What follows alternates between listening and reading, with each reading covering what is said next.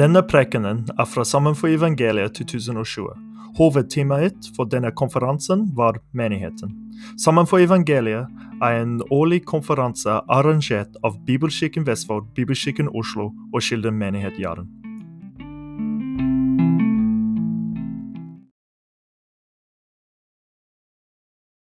Hei sann.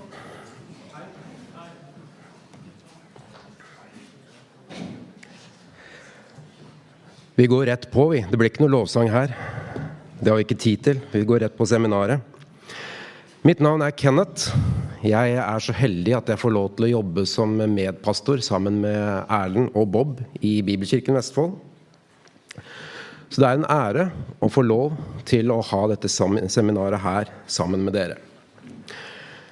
Men det er også et ganske skummelt seminar med tanke på temaet som vi skal se på og hvilke negative konsekvenser det har hatt for Kristi kropp, menigheten, opp gjennom tidene.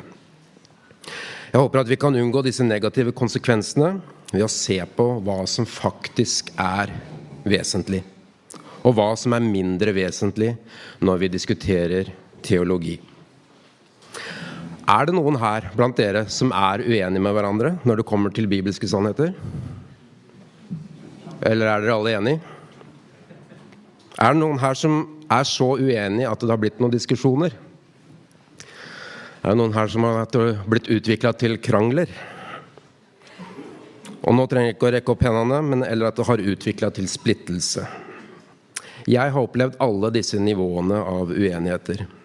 Og splittelse er veldig vondt og ofte unødvendig med tanke på teologien det splittes over. Jeg har til og med opplevd å miste venner fordi man trodde at teologien ikke lenger var forenlig. Jeg liker jo selvfølgelig å tro at det ikke var jeg som initierte denne splittelsen i vennskapet. Men i en uheldig periode av Cage Stage så burde jeg nok ha vært mer stille og mer diplomatisk. Hvorfor er vi uenige? Alt hadde vært så mye lettere om vi alle bare var enige. Og da selvfølgelig helst med meg, men jeg vet ikke helt da om jeg kunne stolt på dere.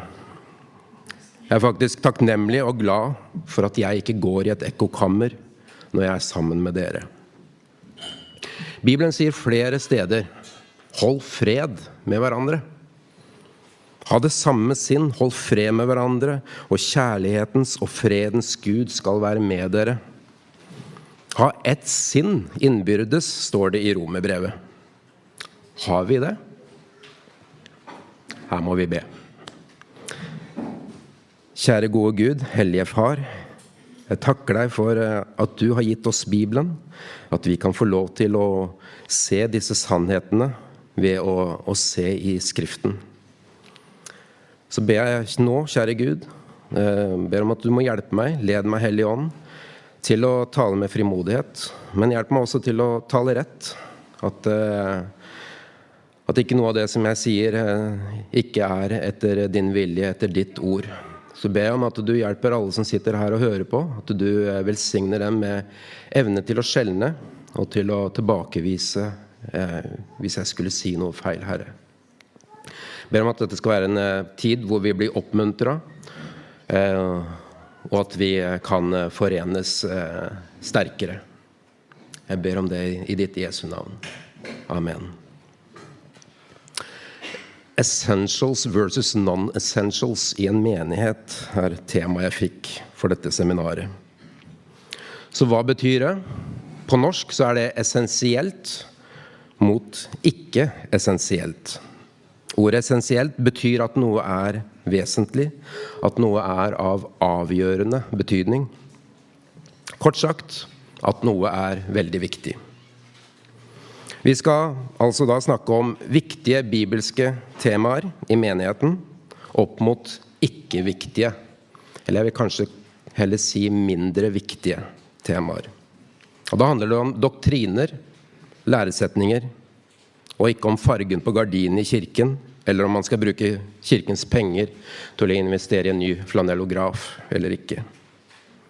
Det handler om bibelske læresetninger, som er doktriner, om hvilke av disse som står i Bibelen, som er viktige eller mindre viktige. For Bibelen sier helt klart noe om det. Den forteller oss om hva som er viktig, altså hva som er essensielt, og hva som ikke er essensielt. Og det er med god grunn, for Bibelen er Guds ord gitt til oss mennesker. Det som står i denne boken, det er slik som den treenige Gud har valgt å åpenbare seg for oss. Det som ikke står i denne boken, er dermed ikke viktige for oss å vite om Gud så lenge vi er på denne jorden. Gud er mer enn det som står her, men det som står her, er det som er viktig for oss å vite om Gud. Og da, siden det er gitt til mennesker, til å bli forstått av mennesker, til å bli tolket av mennesker, og slik vi da kjenner mennesker, så er det duket for problemer. Dette er en hellig og ren skrift. Så fort mennesker kommer inn i bildet, så blir det problemer. Og det er det vi skal se på nå. Hvor store er disse problemene, og hvordan skal vi forholde oss til disse problemene? Det er det at vi tolker Bibelen på litt forskjellige måter som gjør at det kan bli problemer. For Skriften i seg selv er ikke noe problem. Det er vår tilnærming til Skriften som gjør at det blir et problem. Men nå er det jo også slik at vi har Den hellige ånd med oss når vi studerer og tolker Bibelen. Den tredje personen i treenigheten er med og veileder oss når vi leser og tolker og kommer fram til de forskjellige læresetningene. Og hvis det er tilfellet, at Den hellige ånd er med oss og hjelper oss i å formulere disse forskjellige doktrinene, hvorfor ender vi da opp med forskjellige doktriner? For saken er den at det finnes bare én sannhet. Det finnes ett rett svar på hvilken lære som er den rette. Og vi vet jo at Den hellige ånd ikke lyver, og at han heller ikke vil forvirre eller skape usikkerhet eller si noe til én person og noe motsatt til en annen. Så hvorfor har vi da forskjeller? Det finnes sikkert flere grunner til det. Men jeg tror at hovedgrunn, en hovedgrunn er det faktum at vi er mennesker. Og vi mennesker er ikke så lette å ha med å gjøre. Jeg har erfaring nok med meg selv til å stadfeste det med sikkerhet. Og min kone kan sikkert bekrefte det. Jeg er et stolt menneske og lever fortsatt i denne kjødelige kroppen. Jeg hører ikke alltid så godt etter.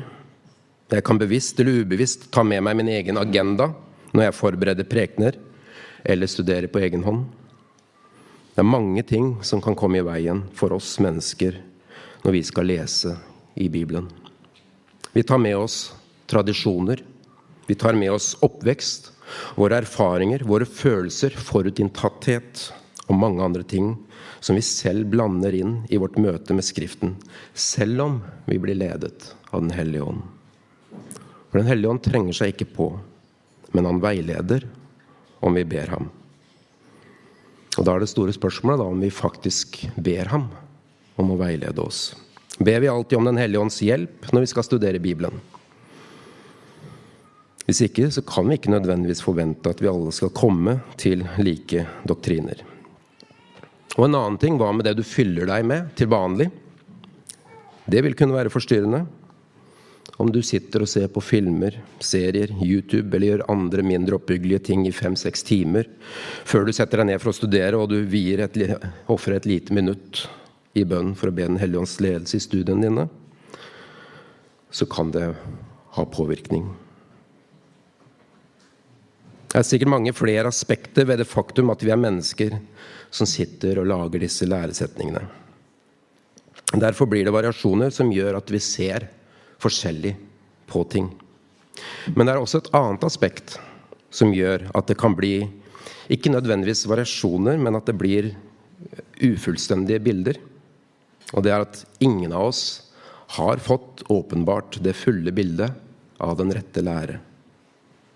Ingen av oss har fått åpenbart den hele og fulle sannheten. Og grunnen til det tror jeg er både god og hensiktsmessig.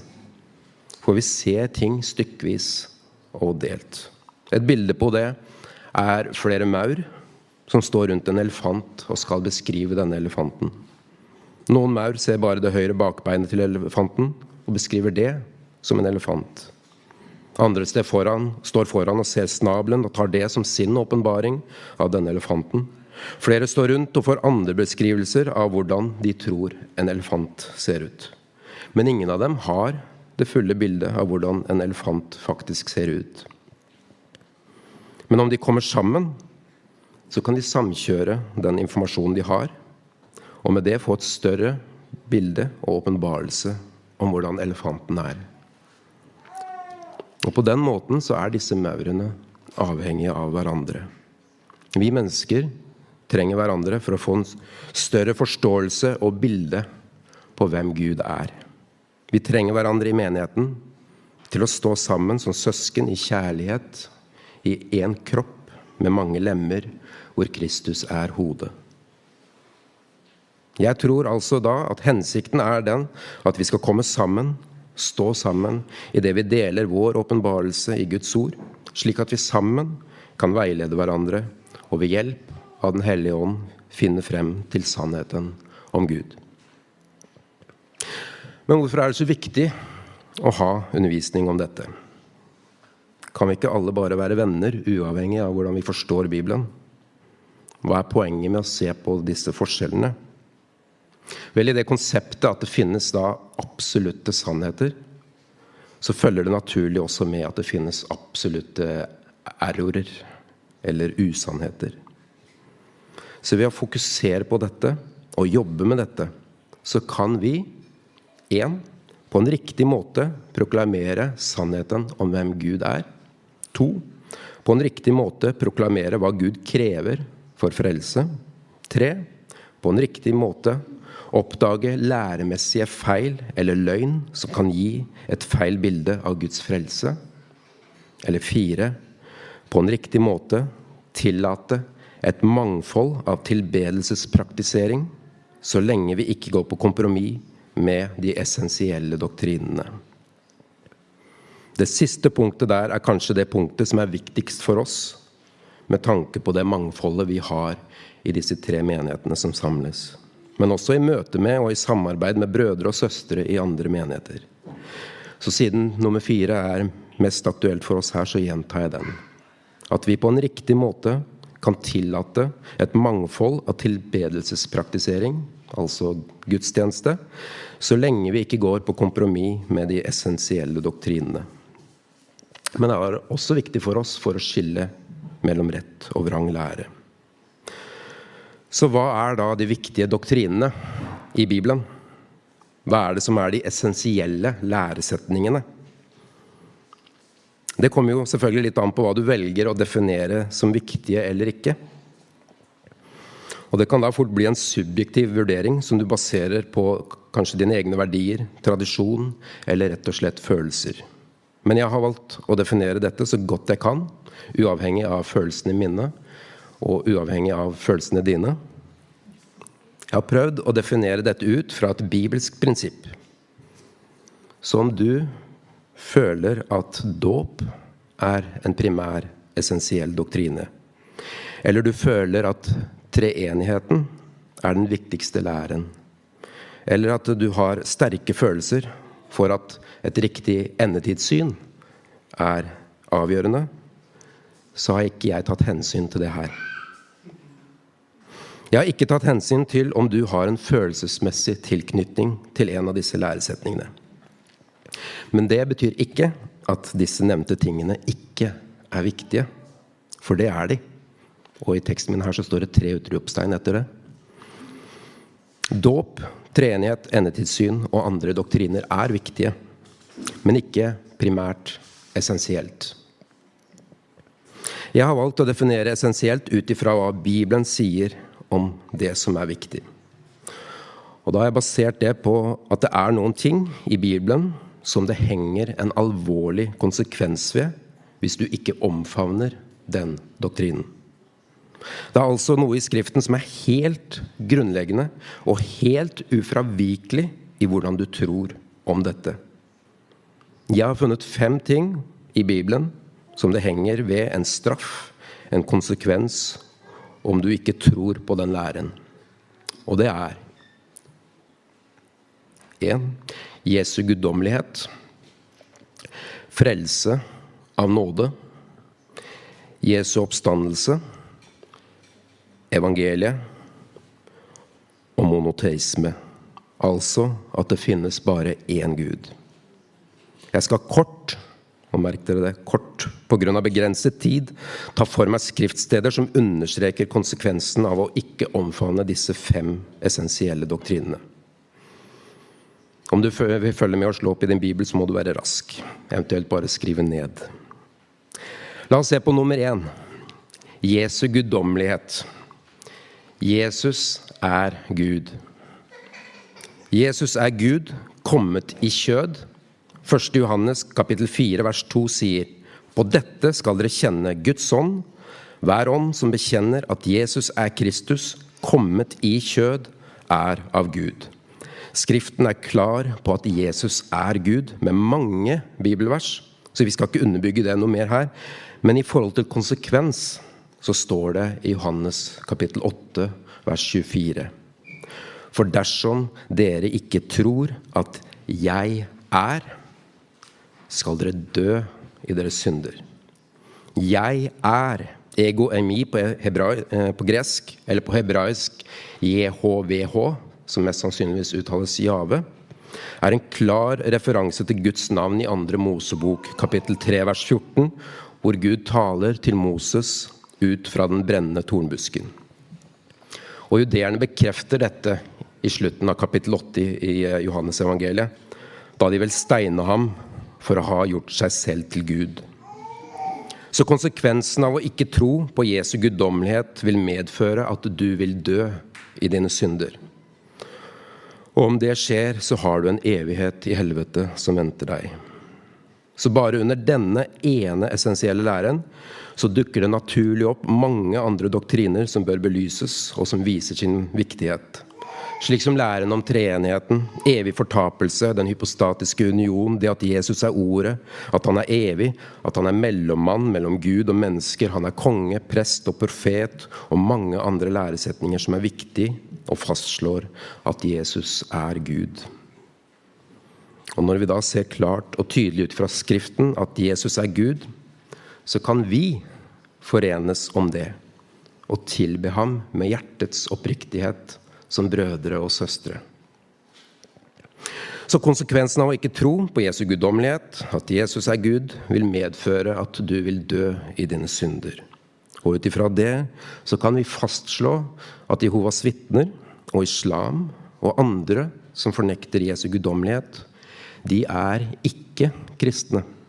De er ikke våre brødre og søstre i troen. Og de må behandles deretter, med kjærlighet og med evangelisering. Bob presiserte i går viktigheten av evangelisering, og det bør også være konklusjonen her når vi ser at det ikke kan forenes og at ikke ikke kan forenes om bibelsk essensiell lære. La oss se på nummer to frelse av nåde. Efeserne kapittel 2 vers 8-9 står det For av nåde er dere frelst ved tro. Og dette er ikke av dere selv, det er Guds gave. Det er ikke av gjerninger, for at ikke noen skal rose seg. Dette verset gir en klar indikasjon på at frelsen er av nåde ved tro. Allikevel så er det utrolig fristende å prøve å være med og bidra til denne frelsen. Jeg kan få kjenne på det selv. La meg få lov til å bare gjøre litt, slik at jeg kan få en klapp på skuldra over hva jeg klarte selv. Men Guds ord er klar. Frelsen er av nåden. Så hva er det da som er konsekvensen av en gjerningsreligion? Og gjerningsreligion blir da motsatsen av eh, frelse av nåde. Galaterbrevet kapittel 5 vers 4 så står det Dere er skilt fra Kristus, dere som vil bli rettferdiggjort ved loven. Dere er falt ut av nåden. Dette verset og den konteksten gir en klar undervisning om at hvis du ikke tror at du er frelst ved nåde, eller hvis du tror at du er frelst ved nåde og gjerninger, så er du ikke frelst i det hele tatt. Du er falt ut av nåden. Og Dette kan du lese mer om i Romerbrevet kapittel 3, 4, 5 og Galaterbrevet, også kapittel 3, 4, 5. Galaterbrevet kapittel 2 vers 21 sier Jeg forkaster ikke Guds nåde, for er rettferdigheten å få ved loven, da er altså Kristus død uten grunn. En konsekvens ved å ikke tro på denne doktrinen vil være at du har da falt ut av nåden. Og dermed vil det ikke lenger være rettferdiggjørelse for dine synder. Og ut ifra dette så kan vi fastslå at den romersk-katolske kirke ikke er kristne. For de fornekter i deres trosbekjennelse at frelse er av nåde ved troen på Jesus alene. De er dermed ikke våre brødre og søstre i troen, og de må behandles deretter med kjærlighet og evangelisering. Jeg tror det finnes frelste katolikker, bare så det er sagt. Essensiell doktrine nummer tre Jesu oppstandelse. Jesu oppstandelse er jo en av grunnpilarene i evangeliet.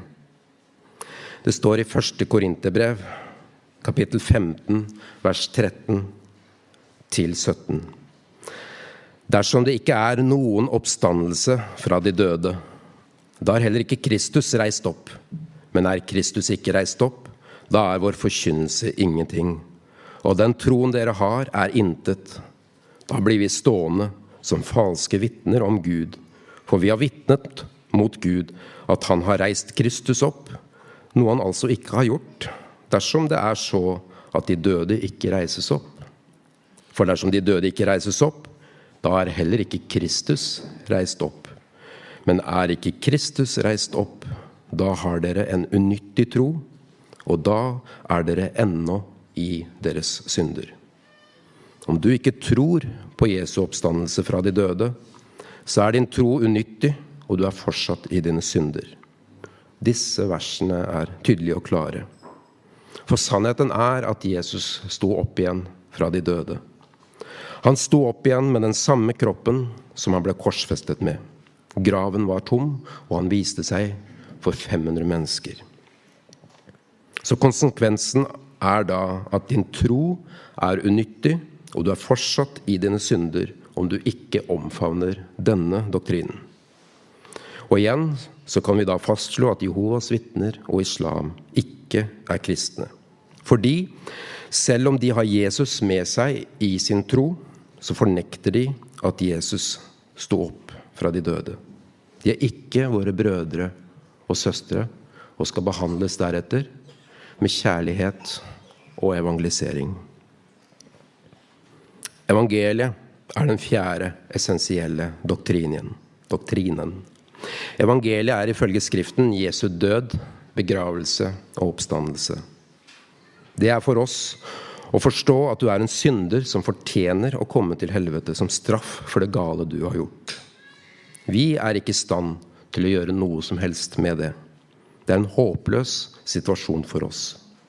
Men Gud, Faderen, sendte sin sønn Jesus til å bli unnfanget av Den hellige ånd, født av en jomfru, vokste opp i vår verden, men uten å synde.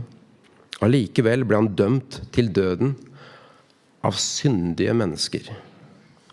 Og ved den døden så tok Jesus straffen på seg selv. Den straffen som vi fortjente å få. Og ved den døden så tilfredsstilte han den vreden Gud hadde mot oss.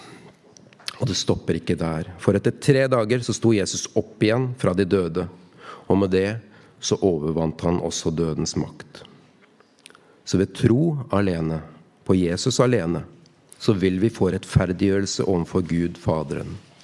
Dette er kun av nåde, slik det er åpenbart i Skriften alene. De fleste av dere ser allerede at innenfor disse essensielle doktrinene så oppstår det mange flere doktriner som må være til stede for at evangeliet skal kunne være virksomt. Så disse fem doktrinene, disse læresetningene som jeg presenterer nå, de gjør ikke andre doktriner nødvendigvis mindre viktig men de er da altså ikke ut ifra denne definisjonen primært essensielle. Men la oss nå se på konsekvensen av å ikke omfavne evangeliet slik det er åpenbart i Bibelen. Det står i Galaterbrevet kapittel 1 vers 6-9. Jeg undrer meg over at dere så snart vender dere bort fra ham som kalte dere ved Kristi nåde, til et annet evangelium, skjønt det ikke finnes noe annet. Det er bare noen som forvirrer dere og vil forvrenge Kristi evangelium. Men selv om vi, eller en engel fra himmelen, skulle forkynne dere et annet evangelium enn det vi har forkynt dere, han være forbannet. Som vi før har sagt, så sier jeg nå igjen, om noen forkynner dere et annet evangelium enn det som dere har mottatt, han være forbannet.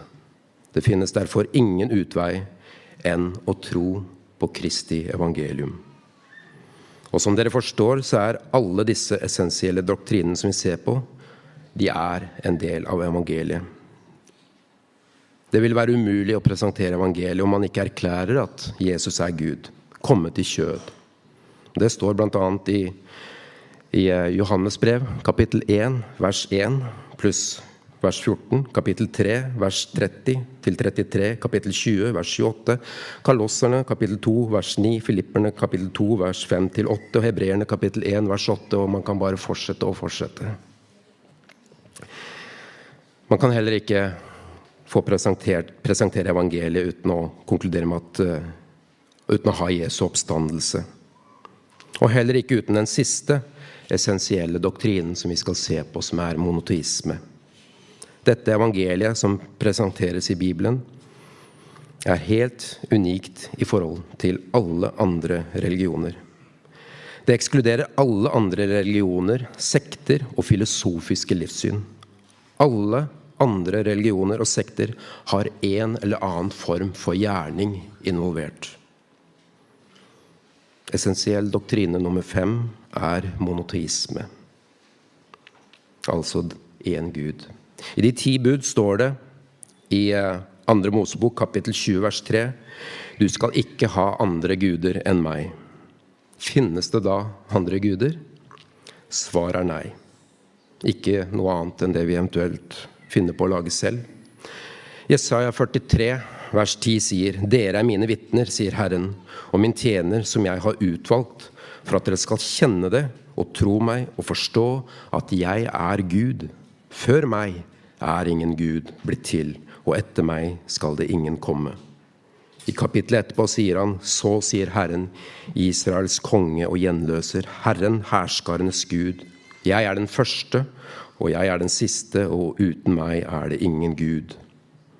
Og en del av trosbekjennelsen til jødene er jo 5. Mosebok, kapittel 6, vers 4.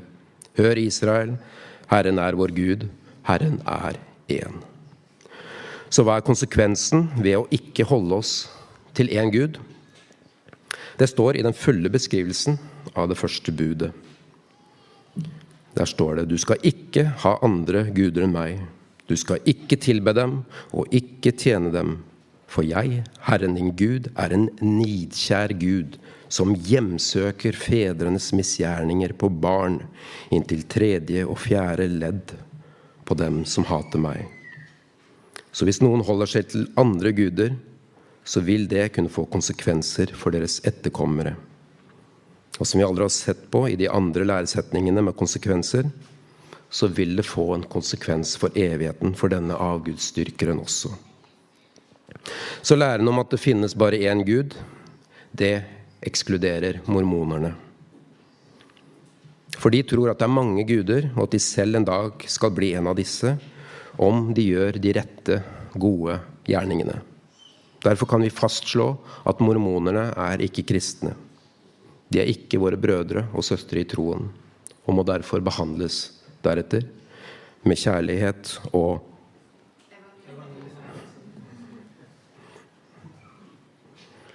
Jeg ble litt glad at dere fikk dere med det.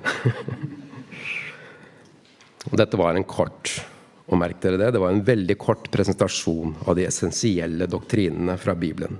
Etter definisjon av at det er en direkte konsekvens av å ikke tro dem. Så det betyr ikke at de andre doktrinene ikke er viktige. For som vi har sett på, så er det mange andre viktige doktriner involvert i disse fem. La oss se på noen flere av de, og vi kan kalle disse for sekundær essensielle. Denne undervisningen handler om essensielt i motsetning til ikke essensielt. Så vi er dermed fortsatt på essensielle doktriner. Det er bare det at det ikke henger ved noen direkte konsekvens i Skriften ved å ikke tro på disse. Men det medfører store og betydelige problemer med en konsekvent bibellesning om man ikke kommer fram til disse læresetningene også. En av flere er f.eks. jomfrufødselen. Matteus kapittel 1 vers 23 så står det Se, jomfruen skal bli med barn og føde en sønn, og de skal gi ham navnet Immanuel. Det betyr Gud med oss. Uten å tro på jomfrufødselen så kan man ikke underbygge læren om inkarnasjonen av Jesus som Gud kommet i kjød, altså som et menneske. Og dette er en del av hvem Jesus er. Og som vi så på i stad, om vi ikke tror han er den han er, så vil vi dø i våre synder. Vi har læren om frelse ved Jesus alene, eller som den eneste veien til Gud. Johannes kapittel 14 vers 6 står det jo 'Jeg er veien, og sannheten og livet. Ingen kommer til Faderen uten ved meg. Dermed har Jesus erklært at det kun finnes én vei til himmelen, og den veien er gjennom Han. Og det står i sterk kontrast til alle de som sier at det finnes mange veier til Gud. Det gjør ikke det. Det finnes bare én. Vi har også selvfølgelig læren om treenigheten. Den læren er essensielt viktig. Det er enormt mye i Bibelen som ikke vil henge på greip om man, ikke, om man, om man fornekter denne læren. Vi kommer ikke utenom om vi skal ha en ærlig tilnærming til Skriften. Men man kan fint bli frelst uten å kjenne til denne læren. Jeg ante ingenting om treenigheten da jeg ble frelst som 21-åring. Men ved vanlig, normal bibellesning så tok det ikke lang tid før det fremsto at treenigheten var en del av den bibelske lære. Det kommer tydelig frem i Matteus kapittel 28, vers 18-20, i det vi kaller for misjonsbefalingen. Um, fra vers 19.: Gå derfor ut og gjør alle folkeslag til disipler idet dere døper dem til Faderens og Sønnens og Den hellige ånds navn. Det kommer også tydelig fram når du blar opp på side 1 i Bibelen også. Andre tydelige steder er Matteus kapittel 3 vers 16-17, 1. Korinterbrev kapittel 12 vers 4-6, 2. Korinterbrev kapittel 13 vers 14, Efeserne kapittel 4 vers 4-6 og en ufattelig mange andre steder når man studerer teksten litt dypere. Denne læren kommer ikke til syne ved et enkelt vers, selv om det helt klart er tydelig hinta om det. Men den doktrinen kommer klart og tydelig frem med en systematisk tilnærming til Skriften. Til hele Skriften. Det å ikke holde deg til treenighetslæren eller å fornekte treenigheten er både alvorlig, og det vil gi en betydelig problematisk tilnærming både til Skriften og til frelseslæren. Jeg mener at det er såpass alvorlig at jeg ikke kunne ha evangelisert sammen med en som fornekter treenighetslæren. Jeg ville da heller fokusert på å dele evangeliet med den personen.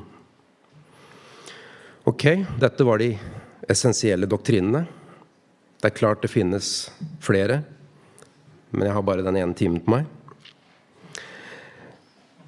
Men disse som jeg har nevnt frem til nå, vil jeg nok påstå er viktige nok til å distansere seg fra andre trossamfunn eller menigheter eller personer som ikke omfavner de samme læresetningene.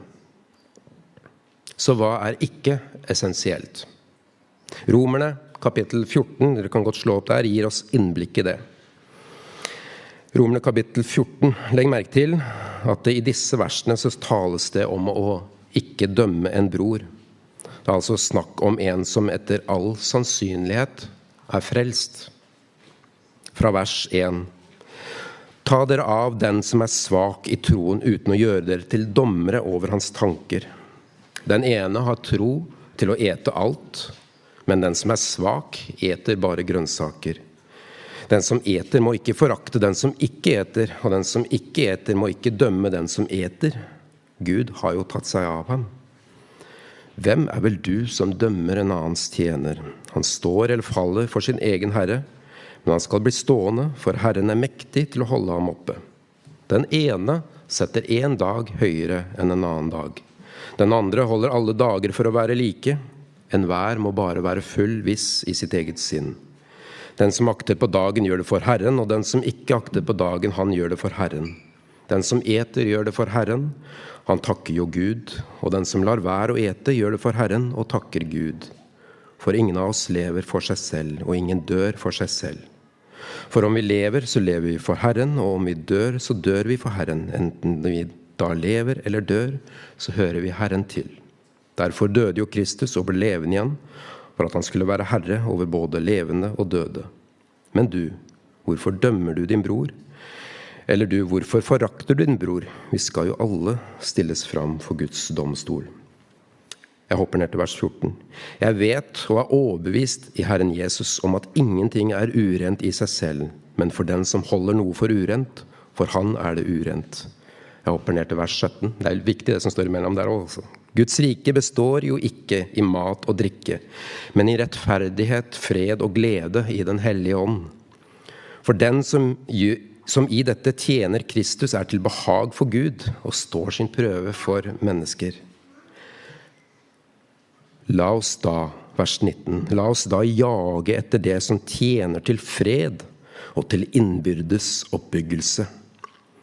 Bryt ikke ned Guds verk på grunn av mat. Ganske visst er alt rent, men det er ondt for det mennesket som eter det når det er til anstøt. Det er godt å la være å ete kjøtt eller drikke vin, eller å gjøre noe annet som er til anstøt for din bror. Har du tro, ha den for deg selv, for Guds åsyn. Salig er den som ikke dømmer seg selv i det han velger. Men den som tviler, er dømt dersom han eter fordi han ikke gjør det i tro.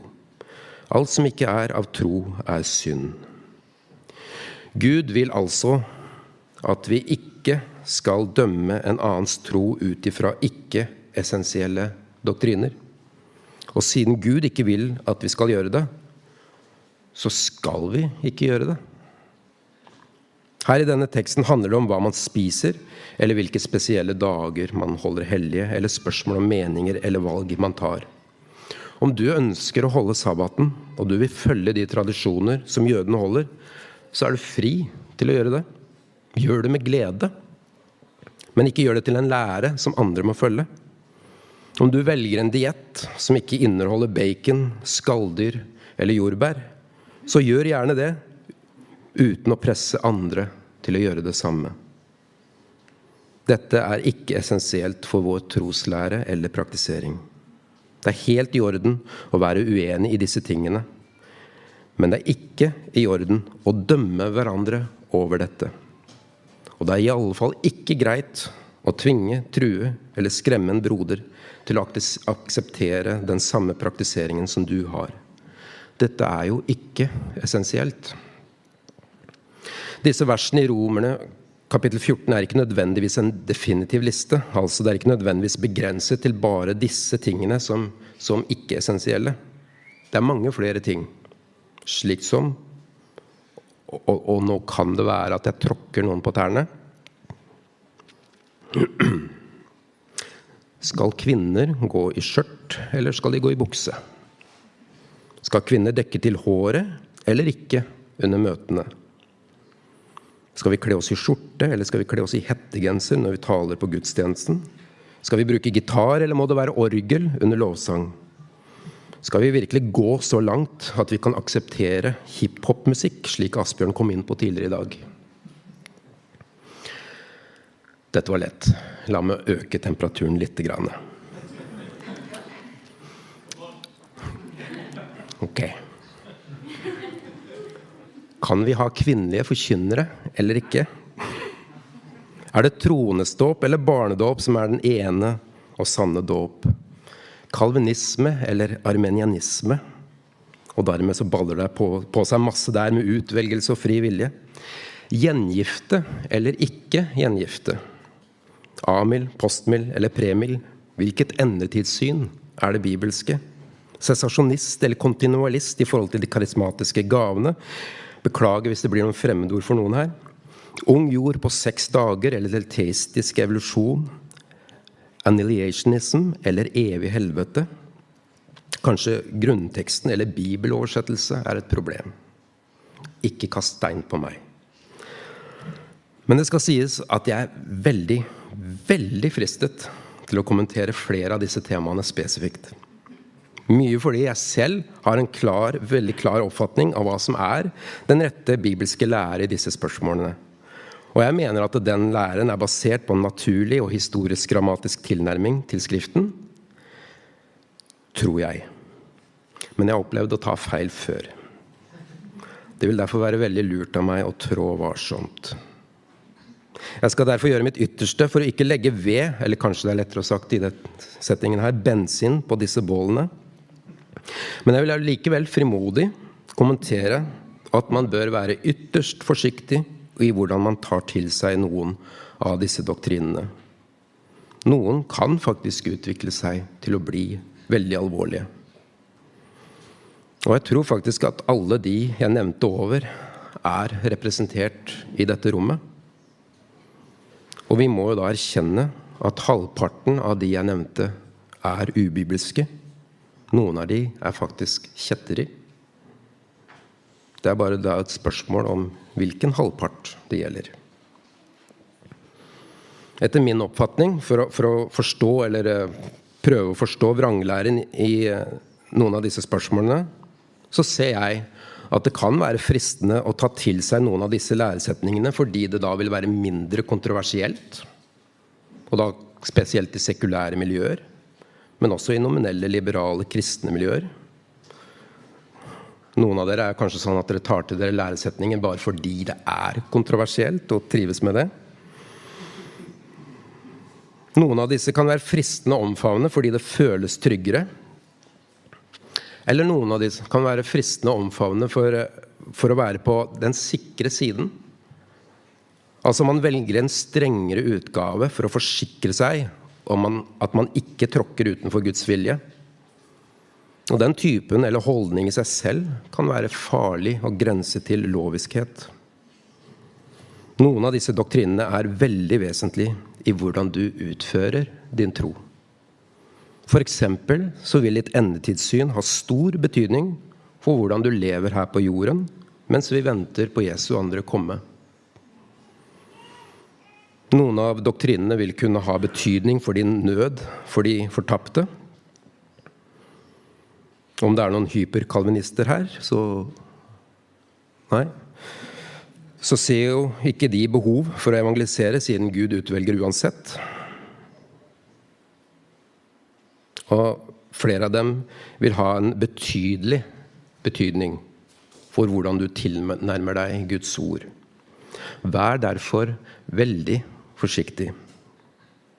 Og hvis du er her, og du er forkynner eller lærer, av Guds ord. Så la meg påminne oss om Jakob kapittel 3 vers 1. Mine brødre, ikke mange av dere må bli lærere, for dere vet at vi skal få desto strengere dom. Søk etter å finne den rette lære. Ikke bare stol på en forkynner sånn uten videre. Studer alltid Skriften selv, og la deg bli ledet av Den hellige ånd i din tilnærming til Skriften. Vær veldig klar over når vi skal studere Guds ord, at vi ennå er kjødelige mennesker som bringer med oss våre tradisjoner, vår oppvekst, våre erfaringer, vår forutinntatthet, våre følelser, våre opplevelser og våre forventninger til hvordan vi tror en god Gud bør være. Jeg vil også på generelt grunnlag si at hvis det er slik at en diskusjon rundt disse ikke-essensielle doktrinene ikke bringer oss nærmere til Kristus, eller er med på å skape en større enhet blant brødre og søstre, kanskje man da heller bør unngå disse diskusjonene. Jeg mener at det burde være rom for å diskutere det. Men om en av partene ikke klarer å distansere seg følelsesmessig og det blir rabalder og temperert, så tror jeg det er best å legge det fra seg. Gud har kalt oss til fred. Som Romerne kapittel 12 vers 18 sier, Om det er mulig, da hold fred med alle mennesker så langt det står til dere. Det er da tydeligvis ikke alltid mulig, men så langt det er opp til deg, så skal du holde fred. Ta ansvar for at freden bevares. Ikke la det være opp til din broder i Kristus. La det heller være opp til deg. Og så er det ofte slik med oss mennesker at om vi angriper en posisjon, kanskje litt hardt og urettmessig, så vil den andre parten ha en tendens til å komme ut med piggene, bli defensiv, og dermed bli lettere og mer overbevist om at hans egen posisjon er riktig. Det sies at den som er stolt i sin kunnskap, er tilbøyelig til å ha forakt for de ignorante. Og det står i 1. Korinterbrev kapittel 8 vers 1b Kunnskapen oppblåser, men kjærligheten oppbygger. Derfor vær smart når du legger opp til en diskusjon rundt et av disse temaene. Vær alltid diplomatisk. La meg oppmuntre dere til å lese i Bibelen og diskutere teologi. Ikke unngå det i frykt for at det kan bli strid. Spør og grav, vær undrende, utforsk og let, vær kritisk, vær åpen, men hold urokkelig fast på de essensielle læresetningene. La oss avslutte med en fantastisk bibeltekst i Filemon kapittel 2, vers 1-11.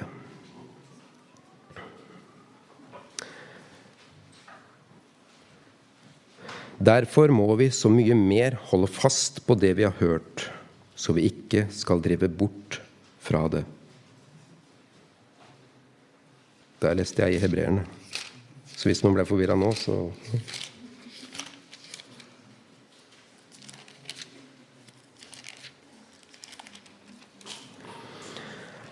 Er det da noen trøst i Kristus? Er det noen oppmuntring i kjærligheten? Er det noe samfunn i ånden? Finnes det noe medfølelse og barmhjertighet? Da gjør min glede fullkommen, så dere har det samme sinn og den samme kjærlighet. Ja, med én sjel har det ene sinn. Gjør ikke noe av ærgjerrighet eller av lyst til tom ære, men akt hverandre i ydmykhet høyere enn dere selv. Ingen må bare se på sitt eget, men enhver må også ha de andres gang for øye. La dette sinn være i dere, som òg var i Kristus Jesus. Han som, da han var i Guds skikkelse, ikke holdt det for et røvet bytte å være Gud lik, men uttømte seg selv idet han tok en tjeners skikkelse på seg, da han kom i menneskers lignelse og da han i sin ferd var funnet som et menneske, fornedret han seg selv og ble lydig til døden, ja, døden på korset. Derfor har òg Gud høyt opphøyet ham og gitt ham det navnet som er over alle navn. For at i Jesu navn skal hvert kne bøye seg, deres som er i himmelen, og på jorden og under jorden. Og hver tunge skal bekjenne at Jesus Kristus er Herre, til Gud Faders ære. La oss da be sammen. La oss be om enhet. Jeg takker deg, Herre Jesus Kristus, at det er trøst i deg. At det er oppmuntring i kjærligheten, og at det er samfunn i ånden. Takk, Herre Jesus, for at det finnes medfølelse og barmhjertighet. Hjelp oss, kjære Gud så vi kan ha det samme sinn, og at vi kan ha den samme kjærlighet, og at vi med én sjel har det samme sinn, det ene sinn. Hjelp oss, kjære Gud, til å ikke gjøre noe av ærgjerrighet eller av lyst til tom ære, men at vi akter hverandre i ydmykhet høyere enn oss selv. Hjelp oss til å ikke bare se på vårt eget, men at vi alle sammen også har de andres gang for øye. Kjære Gud, jeg ber om enhet også blant oss tre menighetene og innad i menighetene, og utad mot de andre menighetene hvor vi har våre brødre og søstre. Kjære Gud, hjelp oss til å, til å uh, vite av hva som er essensielt og ikke essensielt. Hva som er vesentlig, og hva som ikke er vesentlig. Så leder du oss, Herre, mot den hele og fulle sannhet. Jeg ber om det i Jesu navn. Amen. Takk for at du hørte på denne prekenen. Ønsker du mer informasjon, besøk sammenforevangeliet.no eller vår Facebook-side.